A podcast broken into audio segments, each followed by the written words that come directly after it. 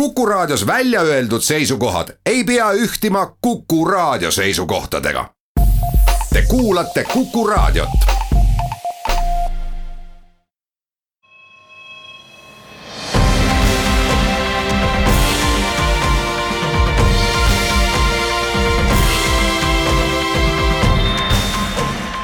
Buum. saadet toetavad Swedbank ja EBS, nähes ja luues võimalusi. Tere päevast, on neljateistkümnes november, kell on saanud loetud minutid. Üksteist läbi, oleme taas eetris Buumi saatega, saatejuhid nagu ikka Anto Liivat ja Ott Pärna.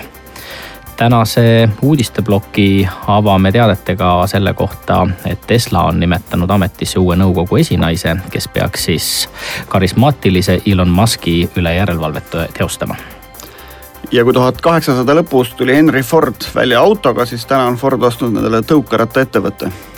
räägime ka sellest, millised on need tihtipeale triviaalsed põhjused, miks andekad ja nutikad inimesed kunagi päris tippu ei jõua ja uudisteploki lõpetame laternapostidega ning arutleme selle üle, et, et kas ja miks suudavad nad täna juba ise elektrit toota.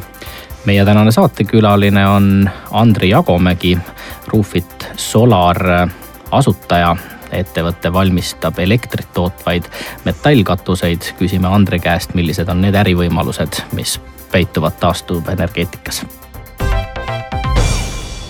aga nii nagu lubatud sai, räägime kõigepealt Teslast. Tesla on ametisse nimetanud uue nõukogu esinaise, tema nimi on Robin Denholm ja peab ta hakkama siis Muskil silma peal hoidma, mäletatavasti oli seitsmes august see kuupäev, kui Elon Musk oma kuulsa tweet'i lendu lasi, andes teada, et ta plaanib Tesla börsilt ära viia ja tal on olemas selleks ka piisavalt äh, finantsvahendeid, viidates siis ka kokkulepetele.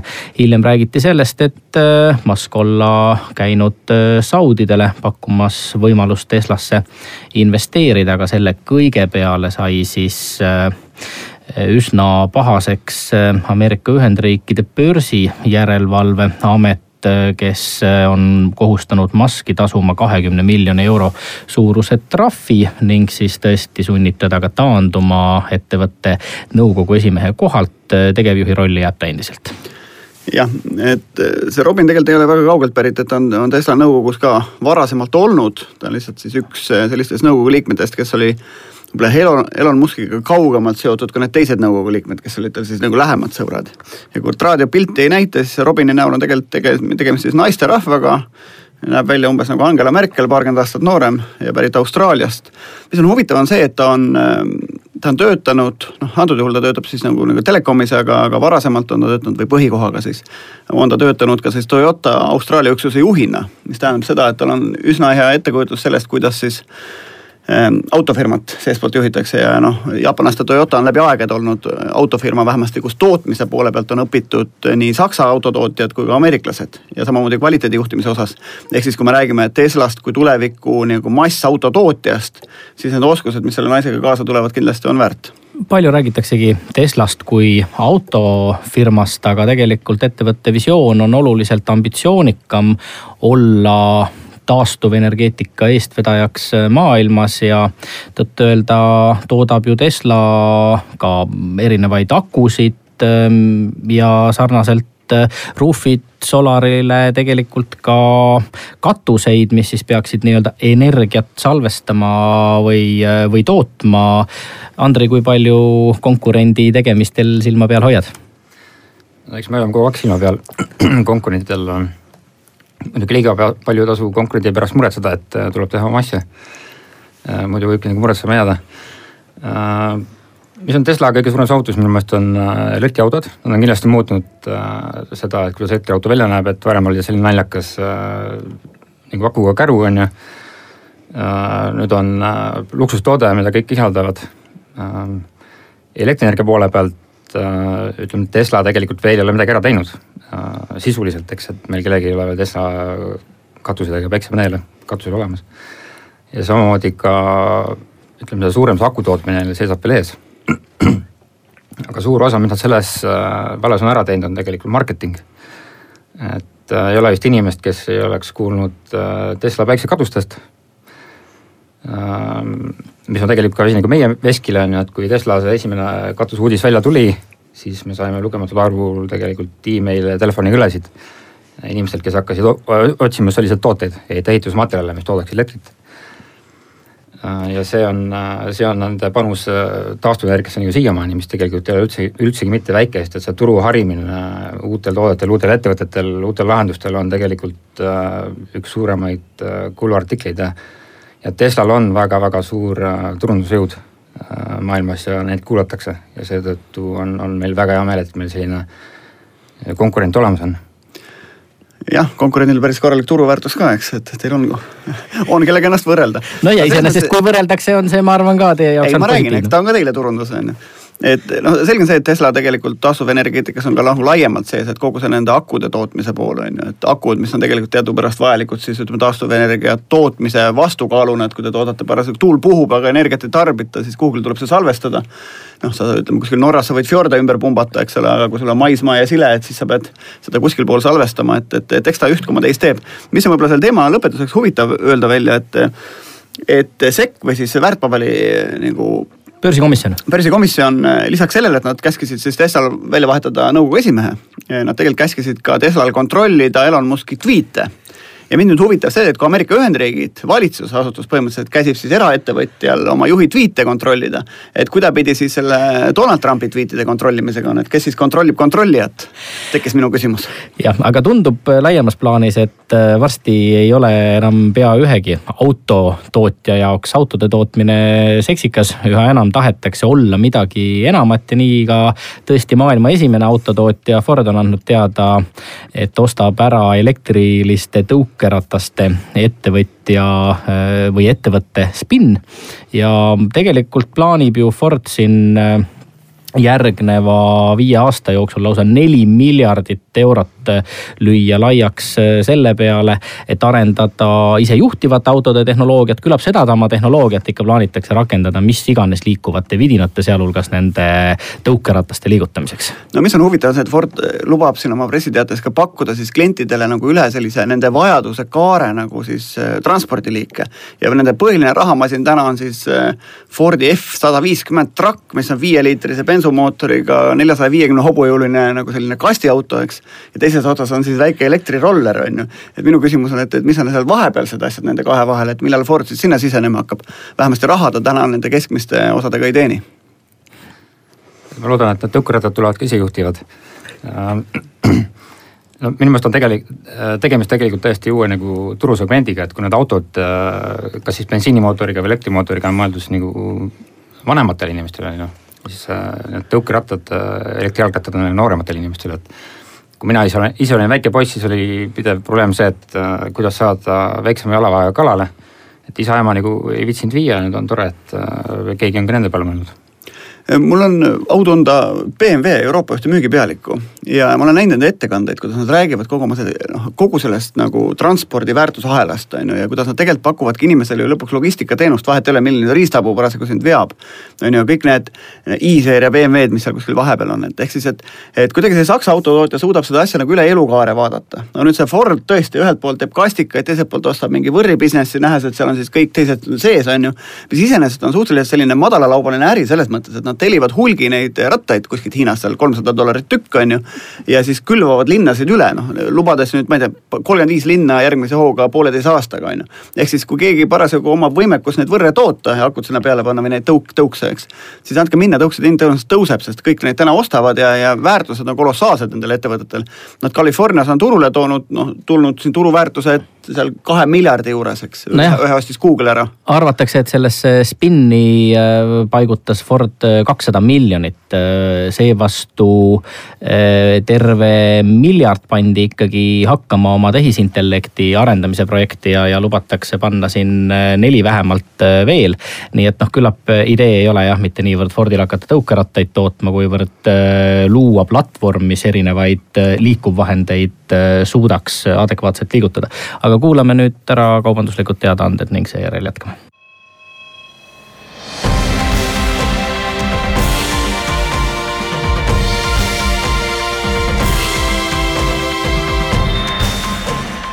Buum. saadet toetavad Swedbank ja EBS, nähes ja luues võimalusi oleme tagasi Buumi eetris, saatejuhid Anto Liivet ja Ott Pärna. meie tänane saatekülaline on Roofit Solar asutaja Andri Jagomägi, kes aitab meil ka uudiseid kommenteerida. ja räägime nüüd sellest, mis jääb vajaka tippjuhi kandidaatidelt kes on üldiselt nutikad ja tublid inimesed, on ennast tõestanud väga heade esmatasandi ja keskastme juhtidena. aga kunagi sellele päris kõige tippmisele troonile ei äh, tõuse. seda teemat on aidanud avada Harvard Business Reviews äh, Jelena Botelho ja Katie Semmer äh, ja räägivad nad nii-öelda pandadest või siis tegelikult sellistest asjadest, mis saavad takistuseks, aga ei oma suuremat tähtsust juhi sellise mm, intellekti koha pealt Ähm, ja, ja valdav osa nendest on seotud siis ikkagi mingisuguse häiriva käitumisviisiga tublisti üle kolmandiku. ja noh, mulle ikka tundub, et eks tippjuhi valimine lõpuks emotsionaalne otsus on. tavaliselt on mitu head kandidaati, igaühel on oma voorused ja oma puudused. lõpuks on küsimus selles, kes siis nõukogule või aktsionäridele emotsionaalselt rohkem peale läheb. kiitke heaks või vaielge vastu eks see natuke sõltub ka sellest, et mis, mis ajajärgu see ettevõte nagu on, et kas ta on agressiivse kasvu valdkonnas, kas ta on mingi saneerimise seisus on ju, et, et see sõltub natuke, milliste isikuomadustega juhti sul vaja on. no siis nad räägivad kommunikatsioonioskustest, et juhi oskusest väljapoole siis kommunikeerida ja olla nagu hea spokesperson sellele, sellele ettevõttele, noh. raske on seda asja alahinnata, aga me teame siin kasvõi minu arust meediaorganisatsiooni juhtisid, kes üldse ei figureeri avalikkuse ees, aga meediaorganisatsioonid on ühed suurimad, on ju, et. et, et siin seda õiget tõde ei ole, ehk siis see nõukogu noh, kaalutletud otsus peab olema see, mis, mis siis on. mida me küll tihti teame, on see, et kui tegevjuht maha võetakse, uus asemele pannakse, pannakse maja seest, siis hästi tihti pannakse finantsjuht sinna. kellel teadupärast ei pruugi olla kõige paremad kommunikatsioonioskused kui noh, spetsialisti tüüpi juht, eks. aga jällegi, see on selline stereotüüpne arvamus, see ei välista nagu erandeid. kui sa selle kommunikatsiooni juba välja tõid, minu arust on seal kaks olulist äh, tähelepanekut Äh, uuringus, siis äh, esiteks ei armastata väga kandidaate, kes äh, kipuvad ennast väljendama liiga intellektuaalselt või lausa esoteeriliselt ja keeruliselt. eeldatakse ja oodatakse ärijuhtidelt üsna sirgjoonelist, otsekohest ja asja puudutavat väljendusviisi. ja teine on ikkagi selline mina vormi ülerõhutamine vestluses, kui äh, keskastme juhina on veel võimalik õnnestuda tänu isiklikule tublidusele siis tippjuhilt ikkagi oodatakse valdavalt, et oleks meeskonnamängija? no meestel pidi peres olema kõige raskem üle minna mina situatsioonilt nagu meile on ju, et me läheme puhkusele või mina lähen puhkusele, eks. aga, aga, või mina otsustan või meie otsustame, eks.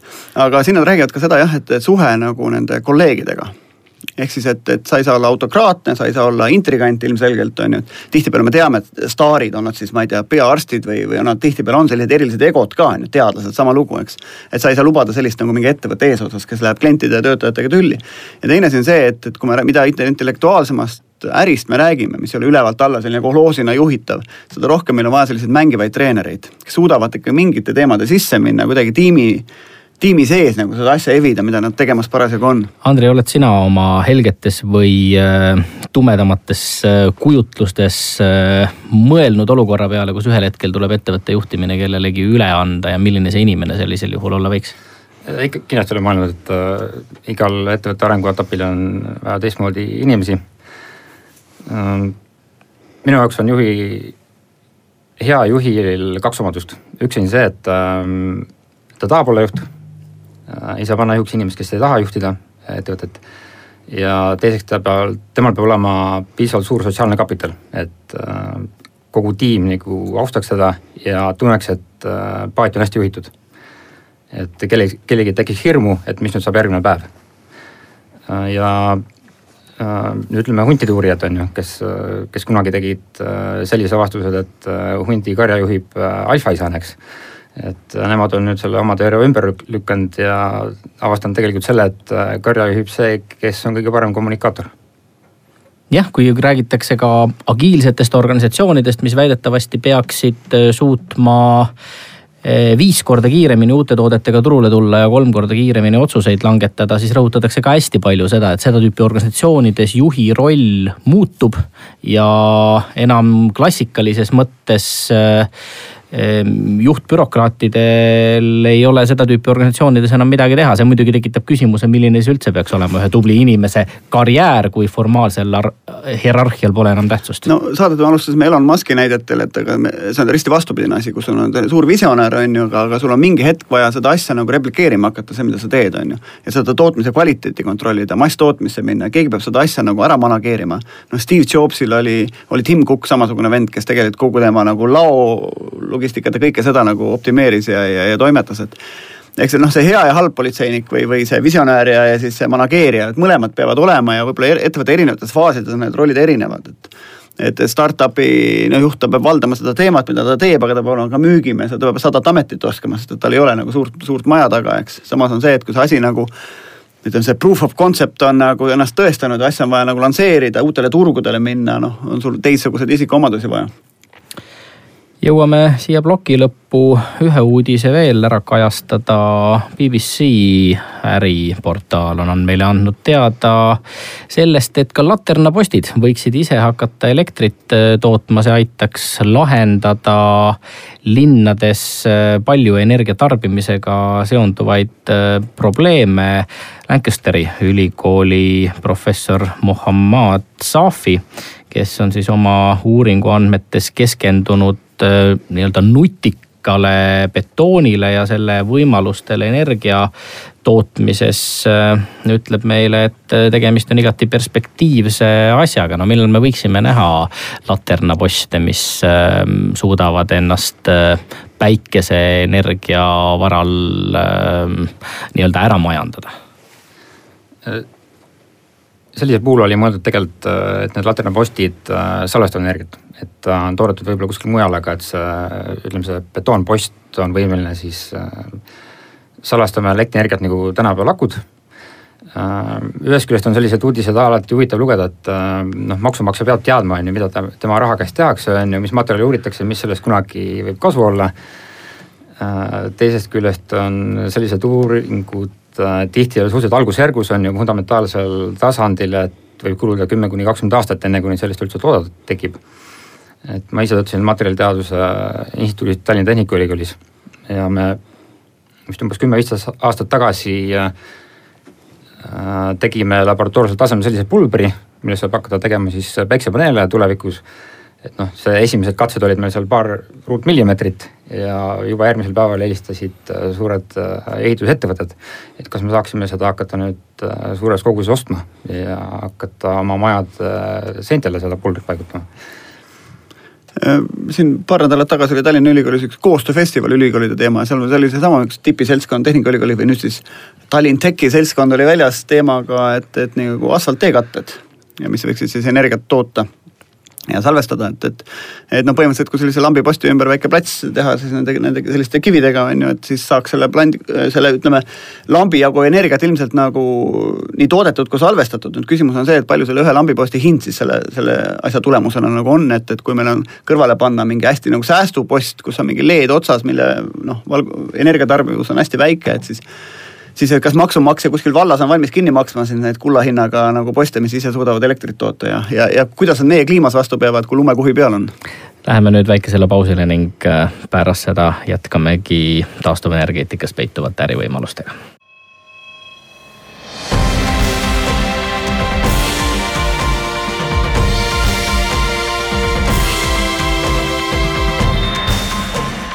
Buum saadet toetavad Swedbank ja EBS, nähes ja luues võimalusi oleme tagasi Buumi eetris, saatejuht Anto Liivat ja Ott Pärna. meie tänane saatekülaline on Roofit Solar asutaja Andri Jagomägi. ettevõte toodab äh, metallkatuseid, mis äh, ise omakorda toodavad äh, elektrit ja peaksid siis väidetavasti ikkagi oma eluaja jooksul ennast kuhjaga ära tasuma. me teame, et päikeseenergeetikas täna maailmas vaieldamatu liider on Hiina ja veelgi enam, kui uusi investeeringuid vaadata, siis nii-öelda arenevates majandustes tehakse neid täna juba rohkem kui arenenud maailmas või siis Ameerika Ühendriikides, Euroopas. Andri, miks see nii on? Üks põhjus, miks äh, Hiinas päiksepaneele tehakse, no praegu on umbes turuosa on üheksakümmend protsenti tehakse Hiinas päiksepaneelidest. Äh, üks põhjus on see, et neil on äh, väga suur tooraine hulk seal kohapeal saada väga heal tasemel räni, mis on vajalik siis ränikristalli kasvatamiseks. teine osa sellest valemist on see, et neil on soodne elektrienergia et, et päiksepaneel ennast äh, energeetiliselt ära tasuks, kulub umbes üks kuni poolteist aastat. tegelikult see tähendab seda, et selle aja jooksul ta teenib tagasi oma tegemiseks kulunud energia. nii et noh, energiamahukus selles äh, business'is on tegelikult. ja noh, viimase kümne aasta jooksul on päiksepaneelide hind langenud kaheksakümmend viis protsenti. ja see on just tänu sellele, et hiinlased äh, võtsid selle asja ette ja nad oskavad teha asju väga suures koguses äh, ja ja, ja, ja kui öelda nagu seeria tootmist oskavad nagu hiinlased täna maailmas nagu kõige paremini teha, ükskõik mis asi see on siis. no see kõik nõuab ka ikkagi üsna palju vaba maapinda, me oleme kuulnud äh, hiigelsuurtest äh, päikesepaneelidest, mis on paigutatud pandade kujuliselt äh, noh, nii-öelda tühermaadele lennukilt on võimalik neid ka jälgida. Euroopas vist maad nii laialt käes ei ole Euroopas on jah maad vähem, et, äh, et noh, kui vaadata seal äh, noh Aafrikat, äh, kasvõi seda sama Hiinat ennast on ju, et tegelikult seal maapind on väga palju, kuhu neid päikeseelektrijaamu arendada. ütleme, et see maapind tegelikult nii suur ei olegi, mis on vaja, et noh, näiteks, et kogu Tallinna varustus ära katta, oleks vaja paigutada Ülemiste järve täis päiksepaneel umbes, eks. et Eesti vajadus ära katta oleks tarvis paigutada umbes Võrtsjärve suurune maa-ala päiksepaneel täis et noh, need äh, alad ei ole nüüd nii üüratult suured. miks me seda teinud ei ole äh,? ma arvan, et pigem põhjus on selles, mis sa ennem ütlesid, et äh, päikeseenergia on sellise kõikuva iseloomuga on ju noh, kogu taastuvenergia tegelikult on ju. ja kogu selle energiasektori äh, noh, piduriks praegu ongi tegelikult see, et ta on kõikuva iseloomuga, salvestusseadmed pole veel järgi tulnud et äh, loodame nüüd praegu sellele, mm, sellesama Tesla akude tehasele on ju, ilmselt tulevad teised tehased järgi, kui näevad, et sellel on tegelikult suurt turgu. Äh, ja siis võiks ka äh, salvestustehnoloogiate nagu hinnad alla minna. mitte ainult akud, vaid on ka tehnoloogiad nagu power to gas näiteks, et siis ütleme, päikseenergiast saab teha vesinikku, gaasi, noh, mis siis tegelikult võimaldaks siis seda energiat üle kanda nagu suvest talve, mis on siis meie kliimas just eriti oluline aga kui sa ennem sellest maapinnast rääkisid, äh, siis Lääne-Euroopas jah, on probleem selles, et ei olegi enam pinda, kuhu panna päiksepaneele. sest et äh, noh, päikseelektriprojekti eluiga on hästi pikk. ta on kakskümmend, kakskümmend viis, kolmkümmend aastat ja selle aja raames sa tegelikult paned ju selle maa kinni, on ju, sa ei saa seal kasutada metsa, samal ajal on ju, sul on seal raske äh, kasutada porgandeid, eks on nüüd kaks lähenemist, kuidas seda äh, probleemi lahendada, üks variant on see, et tõsta paneel hästi kõrgele, siis selle all äh, viljeleda siis põllumajandust. Äh, mõnel juhul on see isegi parem kui tavaline maapind, näiteks et lehmad saavad seal päiksepaneelidel varjus käia, on ju, palava ilmaga. ja siis jahedama ilmaga seda rohtu edasi näksida. aga teine variant on see, et tuua siis järjest rohkem päikseenergeetikat ehitiste pindadele Äh, mida siis ka meie teeme, siis mitmed meie konkurendid ka veel, et arendavad siis ehitusmaterjali, mis toodavad elektrit. sest et väga suur hulk äh, ehitiste pindu tegelikult on kasutamata praegu. ja, ja miks ei ole just kasutatud väga palju neid päiksepaneele, on just pigem see disain kuidas need päiksepaneelid välja näevad, et äh, arhitektid tihti ei taha panna, et üks maja on seal telliskivi fassaadiga, seal kõrval on siis päiksepaneelidest fassaad on ju et, et noh, linnaarhitekt tahavad, et üks äh, rajoon näeks välja enam-vähem ühesugune. ja seetõttu siis on nüüd äh, noh, meie ja terve rida teisi ettevõtteid ka arendamas tooteid, mis näeksid välja nagu tavalised ehitusmaterjalid, et tehnoloogiliselt ei ole põhjust, et miks ei saaks ehit-, teha ehitusmaterjali, mis näeb välja nagu telliskivi sein, aga toodab elektrit. tegelikult see on kõik võimalik kuidas need fassaadid, mis selliste uudsete materjalidega on tehtud, nagu vastu peavad, et ma sõitsin üks päev läbi Tallinna kesklinna, vaatan, et Esa Saarineni disainitud maja ehitatud, ma ei tea, seal Draamateatri vastas vist tuhat üheksasada kaksteist, kolmteist äkki. maja fassaad on nagu noh, nagu uus, eks ole, on ju, lähed sealt nagu siis nagu kolmsada meetrit nagu Viru ringi poole, vaatad, seal on mingi Butterfly kohvik oli all vanasti, mingisugune uus maja. no fassaadil kukuvad tükid küljest ära, maja on ehitatud võib-olla viis või ma ei tea, kümme aastat tagasi, et et eh, kas me nagu tagurpidi ei käi selles kontekstis, kui me paneme igasuguseid uusi materjale fassaadidele, mis tegelikult välja ei noh, ei kesta, eks, ja nüüd, kui me hakkame panema sinna klaasi, mille all on mingisugused patareitehnoloogiad, äkki on siis nagu see meie vabaduse sammas, kus enamus aega remonditakse no kõik materjalid peavad olema testitud igal juhul ja samamoodi ka päikseenergeetika materjalid, et äh, allaandlust nagu ei tohi teha. et see, see kehtib kõikide materjalide kohta aga räägime veel natukene ikkagi nendest akudest, mida te Teslalt, aga võib-olla ka teistelt äh, tootjatelt ootate.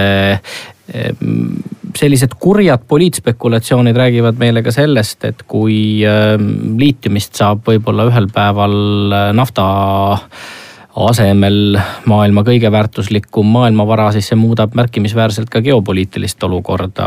kui palju tulevikku nendel liitiumioonakudel olla võiks? no ütleme praeguste prognooside järgi ei ole nagu näha, et see on nagu otsa saaks, et pigem on see suures osas kasutamata veel, see potentsiaal, mis on liitiumil, aga noh, ütleme, see pole ainuke akutehnoloogia.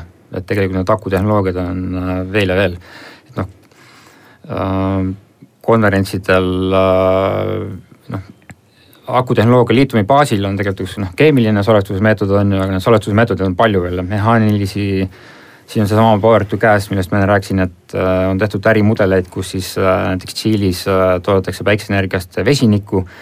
see vesinik siis transporditakse laevaga Jaapanisse, seal tehakse elektrit, eks, et neid võimalusi on palju-palju rohkem, et isegi kui liitium peaks otsa saama, et see akutehnoloogia areneb edasi. aga tuumaenergeetika? no tuumaenergeetika on nagu ikka energeetika, et tuumaenergeetika ei salvesta midagi. aga no tuumaenergeetika, noh nagu me teame, Saksamaa loobub tuumaenergeetikast, on ju, mitmed teised maad on, on ka veel selles suhtes skeptilised, et osad maad jälle usuvad väga sellesse, et et Soome, Venemaa, Usbekistan, kõik ehitavad tuumajaamas veel siiamaani edasi. Jah, Jaapani rannikul on jälle õnnetus õnnetus otsa seal nendel teemadel, et, et noh, maailmamerede tõus ja tormid ja asjad kipuvad ka lõhkuma neid jaamu ja, ja noh, tuumajaamaga on see, et seda ju ei saa seisma jätta, eks et aga rääkige, mis te sellest asjast arvate, et äh, mulle nagu natuke tundub, et kogu see roheäri on nagu suhteliselt palju subsideeritud. ehk siis kogutakse maksumaksja raha kokku, on ju, ja siis makstakse tegelikult peale, et siis meil tekiksid tuulikud või päiksepargid või asjad, on ju ja, ja sealt alt kipuvad vähemasti Eesti-suguses riigis kasvama välja sellised enam-vähem monopolistlikud eraettevõtted, on ju. ehk siis subsiid-, subsiidiumi taustal ehitatakse mingisugune konglomeraat üles ja noh, mingil juhul isegi müüakse siis riigile tagasi, on ju, et kuidas et kuidas selline mudel üldse nagu noh, ma ei tea, kas riik peaks ise, kui ta niikuinii subsideerib, aga niikuinii kogub maksu kokku, et äkki ta peaks ise siis oma tuulepargid juba valmis ehitama, mitte siis noh, toetama eraettevõtted, et need, need pargid püsti paneksid ja mingi hetk siis oma riigiettevõttele nagu tagasi ostma, et. et mul kuidagi tagantjärgi tarkusena tundub see natuke selline imelik nagu selline ärimudel riigi poolt vaadatuna sa mõtled ilmselt seda taastuvenergia toetust on ju no, mis kehtib siiamaani. see, kui see kehtestati, oli olukord hoopis teistsugune et tegelikult äh, sel hetkel, kui see kehtestati, siis ei, siis ütleme, see tasuvus oli piiri peal, nii päikseenergial kui tuuleenergial on ju. ja et üldse julgustada ettevõtjaid selle teemaga tegelema, oli need subsiidiume tarvis, et äh, muidu ei oleks mitte keegi ühtegi tuulejaama ega päikesepaneeli üles pannud lihtsalt, et see majanduslikult ei olnud mitte kuidagi tasuv äh,. mõistlikumad riigid on korraldatud niimoodi, et seda vaadatakse iga teatud aja tagant üle äh, mõnes mõttes sa pead ettevõtjale tegelikult andma ju kindluse, et kui ta investeerib sellesse, siis äh, energiatasu nagu noh, tiksub on ju seal kolm, neli, viis, kümme aastat on ju, ta saab oma laenud nagu teenindatud äh,. seetõttu seda väga kiirelt muuta ei saa, aga Eesti on äh, läinud äh, suhteliselt hea tempoga et mõned teised riigid nagu Austraalia näiteks, äh, seal kehtestati need äh, määrad, toetuse määrad olid nagu ülisuured ja see, see tegelikult, tegelikult tekitas buume, et noh meil on see olnud suhteliselt äh, tagasihoidlik toetus, seetõttu me ei ole tegelikult näinud ka mingisuguseid noh, suuri meeletuid hüppeid on ju selles taastuvenergias. ja aga noh, mida, mida need hüpped teevad, üks on see, et nad muidugi aitavad ettevõtjale rikkaks saada, on ju, teine asi see, kui see ära kaob jälle, siis äh, kõik need töökohad, mis vabanevad, on ju, tekitavad veel omaette sotsiaalse probleemi. Kuulame nüüd ära kaubanduslikud teadaanded ning äh, jätkame pärast seda taastuvenergeetika teemadel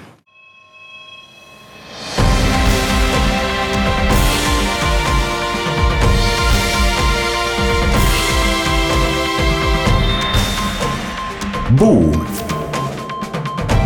saadet toetavad Swedbank ja EBS, nähes ja luues võimalusi oleme tagasi Buumi eetris, saatejuhid Anto Liivet ja Ott Pärnamäe tänane saatekülaline on Roofit Solar asutaja Andri Jagomägi. Roofit Solar valmistab elektrit tootvaid metallkatuseid. Ole hea, Andrei, räägi, mille poolest need katused äh, nii erilised on ja kui see tootearenduse protsess võttis äh, teil üsna tükk aega aega, siis äh, mis on see unikaalne asi, mille te välja nuputasite?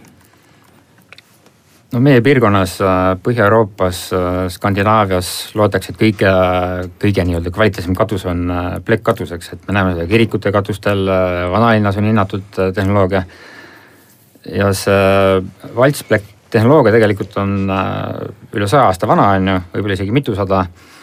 ja meie eesmärk oli siis teha päiksepaneel, mis siis näeb välja täpselt sama, samasugune nagu tavaline valtsplekk katuseks Äh, ja seda just seetõttu, et äh, töötasin ülikoolis ja, ja ülikooli poole pöördus juba suht suur hulk inimesi, on ju, tavatarbijad, äh, ka näiteks kohalike omavalitsuste inimesed on ju, kes ütlesid, et neil on probleemid, et üks naaber tahab maja katusele panna päiksepaneelid, on ju, teine naaber jälle ei taha, et tema vaade on rikutud. ja teine grupp, kes seal seda probleemi kurtis, oli muinsuskaitseametnikud kes ütlesid, et nad peavad kogu aeg ütlema huvitavatele projektidele ei. Äh, sest et äh, objekt asub näiteks miljööväärtuslikus piirkonnas ja tavalisi päiksepaneele ei ole lubatud sinna panna lihtsalt. Ja seetõttu me siis sellise materjali välja töötasime, et mis näeks välja nagu klassikaline vassplekk katus, aga toodaks ka elektrit samas. sa oled välja öelnud, et äh, umbes viieteist aastaga võiks see katus ennast ära tasuda. kas see liiga pikk aeg ei ole klienti meelitamiseks mm,? see on, äh, ütleme, see ka vastus Oti endisele küsimusele, et äh, miks neid toetusi on vaja. et äh, taastuvenergia projektid äh, noh, päikseenergia projektid on ju, see meie katuse tasuvusaeg on ütleme seal kümme kuni viisteist aastat, sõltub siis sellest, et äh, kui palju sa ise koha peal ära tarbid ja kui palju sa müüd võrku seda elektrienergiat, sellest see tasuvusaeg siis sõltub. aga kasutusaeg sellel materjalil, eks on kolmkümmend aastat ja see ei tähenda seda, et siis ta ei tooda üldse enam mitte midagi. et kolmekümne aastaga on meil lubatud tootluse langus viisteist protsenti sellest, mis on esialgu. nii et ta töötab edasi ka kolmekümne aasta pärast. Nii et tegelikult oma eluea jooksul äh, tasub ta ennast mitmekordselt tagasi, et noh, tavaline katus ei seda kunagi. aga no tõeliselt soojades äh, riikides äh, võiks see katus ennast tõenäoliselt kiiremini ära tasuda äh,? tasuvusaeg sõltub kahest asjast, päikseenergia hulk palju me saame päikseenergiat ja kui suur on elektri hind. et mis, mis hinnaga me saame müüa seda. no aga tõesti, kas Saudi Araabias keegi ostaks ehk ka plekkatust millega me veel oleme seotud, on arhitektuur, eks, et kui selles piirkonnas on plekkkatused väga moes on Saudi Araabias, siis kindlasti ostavad plekkkatused tihtipeale, eriti kui me räägime valtsplekkatustest, on pandud ka selliste suht lamekatuste peale, et me räägime kümme-viisteist kraadi nurgad, et. et kuidas see teine te tehnoloogia nagu seal vastu peab, teine pool, et, et kui me talvel peame sealt katuselt lund maha lükkama, et kas sinna saab labidega peale minna? Äh, ütleme, see katuse vettpidavuse tehnoloogia, see on meil samasugune nagu tavalisel valtsplekil. Äh, seal ei ole nagu vahet. Äh, ja see materjali vastupidavus, me oleme autoga üle sõitnud sellest äh, meil kodulehel on video, video ka sellest, et äh, see on täiesti võimalik seal peal käia ja auto sõita no üks uudis, millest ei saa mööda, viiendiku ettevõttest müüsite Tammjärvele ja Mõisale vähemalt niimoodi räägivad ajalehed. mis te selle rahaga peale hakkate? Ähm, see võimaldab meil teha teatud rida tegevusi, mis meil on siiamaani toppama jäänud, nagu näiteks äh, tootmise laiendamine, et noh, meil on praegu äh, järjekord inimestest, kes sooviksid meie katust osta, aga me peame ütlema, et meil on äh, ooteaeg on kaks-kolm kuud, eks, mõnel isegi neli kuud. Äh, see tähendab seda, et inimesed, kes valmistuvad oma, oma katuse vahetuseks näiteks augustis ja tahavad saada katuse vahetatud, nende jaoks me jääme võib-olla natuke liiga hiljaks, selle raha eest me saame välja töötada kiirema liini, mis toodaks neid katuseid me saame taotleda rohkem sertifikaate, et minna välisturgudele. Äh, ja me saame välja töötada oma turunduse ja müügikanalid. Te olete kindlasti välja arvutanud, kui suur see turumaht on, äh, kus te toimetate? Äh, jah, et startup'ide käest tavaliselt küsida, siis on ikka miljardid ja miljardid on ju. eks meil on samamoodi, et et noh, on hinnatud, et järgmine kolmkümmend aastat, et kaks kolmandikku kõikidest investeeringutest üldse energeetikasektoris tehakse taastuvenergiale. nii et noh, see on, see on, see on väga-väga suur. selle lisandunud raha eest ehitate tehast Eestisse, ma saan aru uh,? jah. kus kohas nagu suurem osa turgu on tuleviku mõttes? no esialgu on kindlasti Skandinaavia et äh, Rootsi, Soome. Äh, suhteliselt raske, aga huvitav turg meie jaoks on Prantsusmaa. Äh, Prantsusmaa on Euroopa Liidu sees tegelikult teinud endale suhteliselt suured turubarjäärid taastuvenergia materjalidele. aga noh, need on ületatavad teete Prantsusmaale oma tütarettevõtte või, või peakorteri viite sinna, teete tehase koha peale ja on probleem lahendatud? see ei ole päris nii lihtne, neil on tehnoloogilised barjäärid, põhimõtteliselt need katsetused, mis sa pead tegema, võtavad aega umbes aasta, et saada Prantsuse turule. Igal juhul meie Otiga soovime sulle ja sinu kaasvõitlejatele palju edu nii Eesti kui maailmaturu vallutamisel ja loodame, et äh, Eesti elektrit tootvaid katuseid saadab maailmas edu. meil on aeg tänaseks otsad kokku sõlmida, Buumiga oleme eetris juba täpselt nädala pärast, siis uued külalised ja uued teemad, seniks aga kuulmiseni